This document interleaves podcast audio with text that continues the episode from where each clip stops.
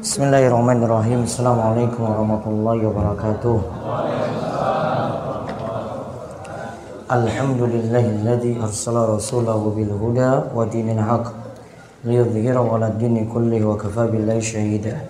Wa asyhadu an la ilaha illallah wahdahu la syarika lah iqraran bihi wa tauhidan wa asyhadu anna Muhammadan abdu wa rasulullah Allahumma salli ala nabiyina Muhammad wa ala alihi wa sahbihi wa sallam Baik Ikhwan Fiddin wa atifillah Rahimani wa rahimakumullah. Kita lanjutkan Pembahasan sesi ke-16. Betul ya? Bahasan ke-33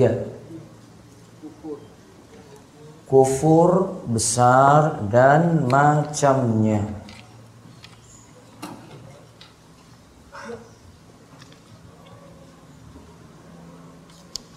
Ya, dibaca terlebih dahulu. Kufur besar dan macamnya. Kufur besar maksudnya ialah perbuatan kufur yang menyebabkan pelakunya keluar dari Islam dan wujud tindakan kufur ini adanya dalam itikad atau keyakinan. Yang termasuk dalam perbuatan kufur besar ialah satu, kufur karena mendustakan, yaitu mendustakan tidak mempercayai Al-Quran atau hadis baik seluruh atau sebagiannya. Hal itu berdasarkan firman Allah.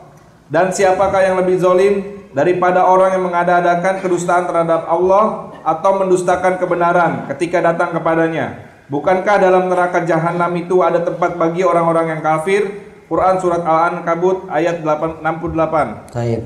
Kufur ini istilah kalau kita lihat pengertiannya tadi lihat di atas.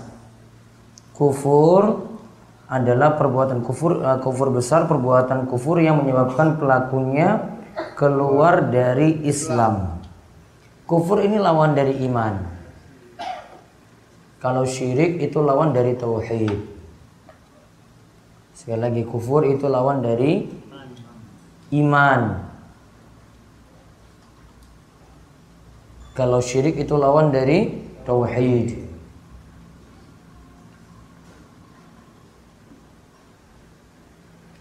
Jadi kalau dari sisi sama-sama mengeluarkan dari Islam, iya.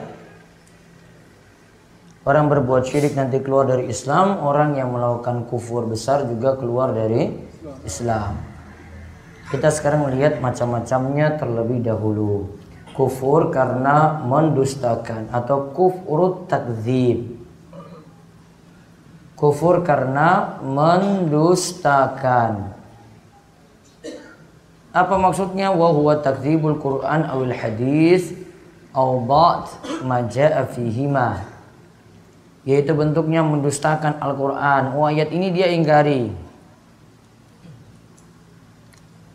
Atau hadis ini dia ingkari.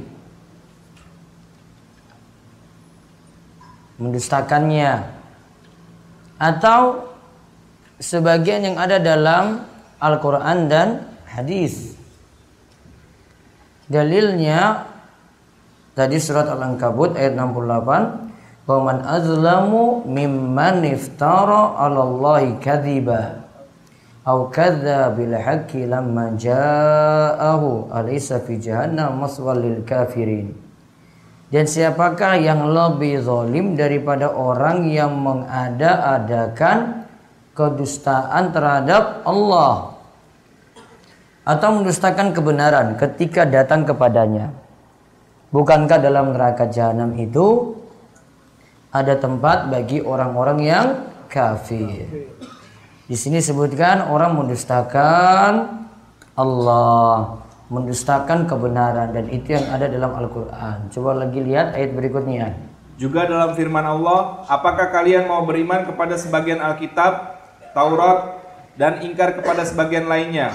Quran surat Al-Baqarah ayat 85. Afatu'minuna bi ba'dil kitabi wa takfuruna bi ba'd? Apakah kalian mau beriman kepada sebagian Alkitab atau Taurat dan ingkar kepada sebagian lainnya lagi? Di sini disebutkan pengingkaran terhadap kitab. Maka para jamaah sekalian lihat berarti kalau terhadap Al-Qur'an harus diimani semuanya. Sebagiannya diimani, seluruhnya juga diimani. Tidak boleh mengimani sebagian, mengingkari sebagian, lainnya nggak boleh. yang ayat ini diimani, ayat lainnya juga diimani. Tidak boleh ambil separuh-separuh. Ah saya nggak tentram nih dengan ayat yang ini. Saya ingkari ayat yang ini, saya ambil ayat yang lainnya nggak boleh. Terus yang kedua. Dua, kufur karena enggan dan takabur. Padahal sebenarnya hatinya percaya, yaitu tidak mau tunduk pada kebenaran meskipun mempercayai adanya kebenaran tersebut. Jadi seperti kufurnya iblis. Dalilnya adalah firman Allah. Dan ingatlah ketika kami berfirman kepada para malaikat, sujudlah kalian kepada Adam, maka sujudlah mereka semuanya kecuali iblis. Dia enggan dan takabur. Dia memang termasuk golongan orang-orang kafir. Quran surat Al-Baqarah ayat 34. Lihat. Wa iskunna lil malaikati isjudu li Adam fasajadu illa iblis. Aba wastakbara. Dan ketika kami katakan kepada malaikat Ingatlah ketika kami berfirman kepada para malaikat Sujudlah kepada Adam Siapa yang perintahkan untuk sujud? Allah Sujudlah kepada Adam Fasajadu, semuanya sujud. Semuanya siapa? Malaikat. Illa iblis, kecuali iblis. Dan ingat iblis tidak masuk dalam golongan malaikat. Semua makhluk mau tunduk tadi pada perintah Allah kecuali iblis. Iblis apa? Aba. Aba tadi enggan, taat. Wastakbaro, istakbaro apa? Takabur, sombong. Sombong berarti enggan untuk taat. Dan iblis termasuk golongan orang kafir. Berarti sifat enggan taat dan sombong termasuk sifatnya siapa? Iblis. Ya, sifat enggan taat dan sombong, enggan taat dan sombong termasuk sifatnya iblis. Padahal sebenarnya hatinya percaya, nggak mau tadi sujud kepada Adam. Padahal Allah yang perintahkan, gengsi. Apa-apaan Adam kan tercipta dari tanah, saya kan dari api. Dia nganggap dirinya juga lebih baik. Sombong itu iblis. Nah itu bentuk yang kedua. Bentuk yang ketiga. Tiga, kufur karena ragu-ragu terhadap kebenaran adanya hari kiamat sehingga mengingkari dan tidak mau membenarkannya. Allah berfirman mengisahkan orang-orang berkarakter seperti di atas. Dan aku tidak mengira hari kiamat itu akan datang. Sekiranya aku dikembalikan kepada Tuhanku, pasti aku akan mendapat tempat kembali yang lebih baik daripada kebun-kebun itu. Kawannya yang mukmin berkata kepadanya, Apakah kamu kafir kepada Tuhan yang telah menciptakanmu dari tanah, kemudian menjadi setetes air mani, Kemudian dia menjadikan kamu seorang laki-laki yang sempurna. Quran surat Al-Kahfi ayat 36 37. Lihat ayat 37-nya. Qala lahu sahibuhu wa wa yuhawiruhu. Dan temannya, kawannya yang mukmin berkata kepadanya, Apakah kamu akafarta billadzi khalaqaka? Apakah engkau itu mau kafir kepada yang telah menciptakanmu min turab, menciptakanmu dari tanah summa min nutfatin.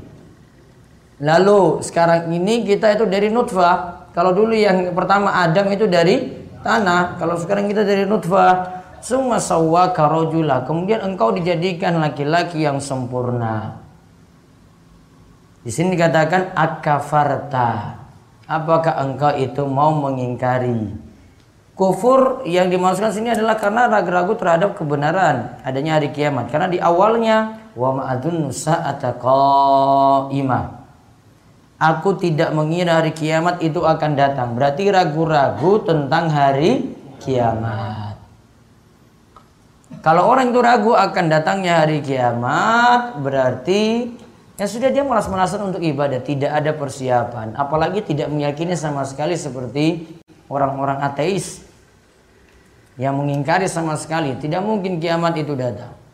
Dan ingat, Ketika Allah itu menjelaskan untuk masalah keimanan, diawali dulu tentang keimanan pada hari kiamat. Tentang hari kiamat dulu. Supaya orang yang mau beramal itu semangat untuk beramal. Karena kalau hari kiamat tidak diimani, berarti untuk beramal ngapain? Iya kan? Mau beramal untuk apa? Wong saya nggak yakini kiamat kok mau dibalas juga enggak dia nggak yakini kayak begitu Maka tidak boleh ragu-ragu seperti ini terhadap adanya hari kiamat. Banyak bukti-bukti dalil yang menunjukkan hari kiamat itu datang. Kalau mau pelajari lengkap itu di tafsir juz 30. Di tafsir juz 30. Ya, bisa pelajari ada tafsir-tafsir juz amma itu. Terus yang empat. Empat. Kufur karena berpaling dan meninggalkan Islam, yaitu berpaling dan meninggalkan ajaran Islam karena tidak mempercayainya Dalilnya adalah firman Allah dan orang-orang kafir itu berpaling dari apa-apa yang diperingatkan kepada mereka. Quran surat Al-Ahqaf ayat 3. Hati-hati juga yang keempat. Kufurnya karena berpaling dan meninggalkan Islam. Berpaling bagi ber, berpaling dan meninggalkan ajaran Islam karena tidak mempercayainya, tidak percaya pada ajaran-ajaran Islam. Ini tidak perlu dikaitkan dengan golongan tertentu bisa jadi kita sendiri. Apa ayatnya tadi Al-Ahqaf ayat 3 walladzina kafaru amma unziru mu'ridun. Dan orang-orang kafir itu berpaling dari apa-apa yang diperingatkan kepada mereka. Yang ajaran ini disampaikan tidak dia percayai. Disuruh sholat, sholat tidak dia percayai. Disuruh pakai jilbab tidak dia percayai. Disuruh bayar zakat juga tidak dia percayai. Dia berpaling itu, tinggalkan ajaran-ajaran Islam. Hati-hati masuk kufur yang nomor empat. Terus nomor lima. Lima, kufur karena berbuat nifak, yaitu menyatakan keimanan dengan lisannya, tetapi sebenarnya hatinya tidak mengakui dan sepak terjangnya pun bertentangan dengan apa yang diucapkannya. Hal ini berdasarkan firman Allah, Demikian itu karena awalnya mereka telah beriman, kemudian kafir lagi, lalu hati mereka pun dikunci mati. Karena itu mereka tidak dapat memahami lagi. Quran surat Al-Munafiqun ayat 3. Juga firman Allah, di antara manusia ada yang mengatakan, kami beriman kepada Allah dan hari akhir. Padahal mereka itu sesungguhnya bukan orang-orang yang beriman. Quran surat Al-Baqarah ayat 8. Lihat, apa pengertian ini? Nifak ini atau kemunafikan ya? Sama menyatakan keimanan dengan lisannya, tetapi sebenarnya hatinya tidak mengakui. Cuma di lisan. Dan sepak terjangnya pun bertentangan. Jadi cuma di lisan saja, bertentangan dengan hati, bertentangan dengan perbuatan. Dan nanti pembahasan nifak ada sendiri. Intinya nifak itu nanti ada yang keluarkan dari Islam, ada yang tidak. Kalau yang ciri yang paling sering kita lihat bentuk-bentuk kemunafikan KTP-nya Islam. Sholatnya Sholatnya Enggak Itu namanya munafik Dan itu dijadikan standar oleh para ulama di masa silam jadi orang para ulama itu nilai orang itu munafik bagaimana? Lihat dia nggak pernah nongol sholat subuh, sholat ngisa. Disebut apa? Munafik. Ya, itu disebut munafik. Namun bukan kita bahas kufur di sini, kufur besar di sini bukan. Namun itu standar minimalnya itu. Baru minimalnya oleh itu belum keluarkan dari Islam. Namun itu sudah disebut apa? munafik. Standarnya tadi apa? Lihat sholat apa? Subuh dan isya. Kok pakai standar subuh dan isya? Ya, kenapa kalau sholat subuh? Kenapa sholat subuh? Paling berat. Kenapa beratnya? Malas bangun. Malas bangun. Isya. Kenapa Isya? pulang kerja ngantuk gitu kalau masih alasan-alasan malah sholat karena itu itu munafik munafik gitu sifatnya nanti ada penjelasan rincinya tapi nggak usah nanti pulang dari daurah itu langsung nuduh tetangganya wah ki mau kabeh ki munafik gitu enggak begitu jangan didakwai paham simbah simbah kadang ora sabar loh iki simbah simbah ini Nanti mulai langsung wah kabeh kita nggak ustad, kabeh iki munafik guru KTP. Yuk pelan-pelan, yang penting didakwahi. PR-nya berarti tambah banyak. Tambah banyak nggak PR-nya? Ya. Tadi wes syirik, iki tambah lagi munafik loh. Tambah banyak kan? Banyak. Syirik aja belum beres.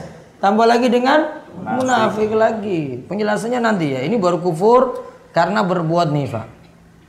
Kalau kufurnya ini bentuknya gimana? hatinya itu tidak suka Islam namun lahirianya pura-pura cinta Islam. Paling benci itu hatinya pada Islam. Namun untuk mempertahankan Islamnya. Ya, dia jadi orang kayak gitu. Terus yang keenam. Enam, kufur karena menentang, yaitu orang yang mengingkari sebagian dari ajaran agama yang telah diketahui secara umum termasuk rukun Islam atau rukun iman. Misalnya, seseorang meninggalkan sholat dengan keyakinan bahwa sholat itu tidak wajib, maka orang semacam itu dihukumi kafir dan keluar dari Islam. Demikian pula halnya seorang hakim yang menentang hukum Allah. Dalilnya firman Allah. Barang siapa yang tidak memutuskan menurut apa yang telah diturunkan oleh Allah, maka mereka itu adalah orang-orang yang kafir. Quran surat Al-Maidah ayat 44. Ibnu Abbas berkata, barang siapa menentang apa yang telah diturunkan oleh Allah, maka dia adalah kafir wa man lam yahkum bima anzalallah kafirun Siapa yang tidak berhukum dengan hukum Allah maka dia termasuk orang kafir. Ini tuju, ditujukan pada siapa? Ada orang yang menjalankan hukum Islam namun tidak ridho dengan hukum tadi. Dia masih nganggap hukum selain eh, selain hukum Islam itu lebih afdal dalam batinnya. Dan ini juga bisa terjadi yang kufur menentang ini. Ini namanya kufur juhud. Bukan zu ya, namun ju. Juhud. Yaitu mengingkari. Contohnya di sini dia jalankan sholat. Namun dalam batinnya dia anggap sholat itu tidak wajib. Berarti keterpaksaan dirinya menjalankan sholat. Nah, ada macam-macam di situ. Ingat ya, kufur itu beda dengan syirik. Kalau syirik itu kan menduakan Allah dalam ibadah. Kalau kufur itu menentang. Kufur itu secara bahasa kalau kita artikan itu menentang. Membangkan. Lihat saya bentuk-bentuknya tadi. Jadi beda dengan syirik. Namun sama-sama konsekuensinya ada.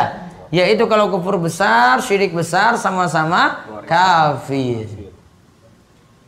Kalau berbuat kufur di sini, dia itu tidak menduakan Allah. Langsung menentang, langsung mendustakan, langsung takabur, ragu-ragu dalam masalah imannya, berpaling. Beda. Orang mencaci maki Nabi itu bukan syirik namanya. Namun apa? Kufur dia. Kufur. Orang mencaci maki Nabi itu bukan syirik, namun kufur. Sama juga konsekuensinya, kafir juga. Namun beda penyebutannya. Oh ini kufur, ini syirik. Pokoknya kalau syirik kita bahas untuk hal-hal yang di situ ada bentuk menduakan Allah dalam ibadah. Kalau kufur itu lawan dari apa tadi? Iman. Yang kita katakan tidak beriman dia atau imannya masih ragu-ragu atau dia menentang iman atau dia beriman sebagian mengingkari yang lain. Nah, sekarang selesai bahasan ke 33.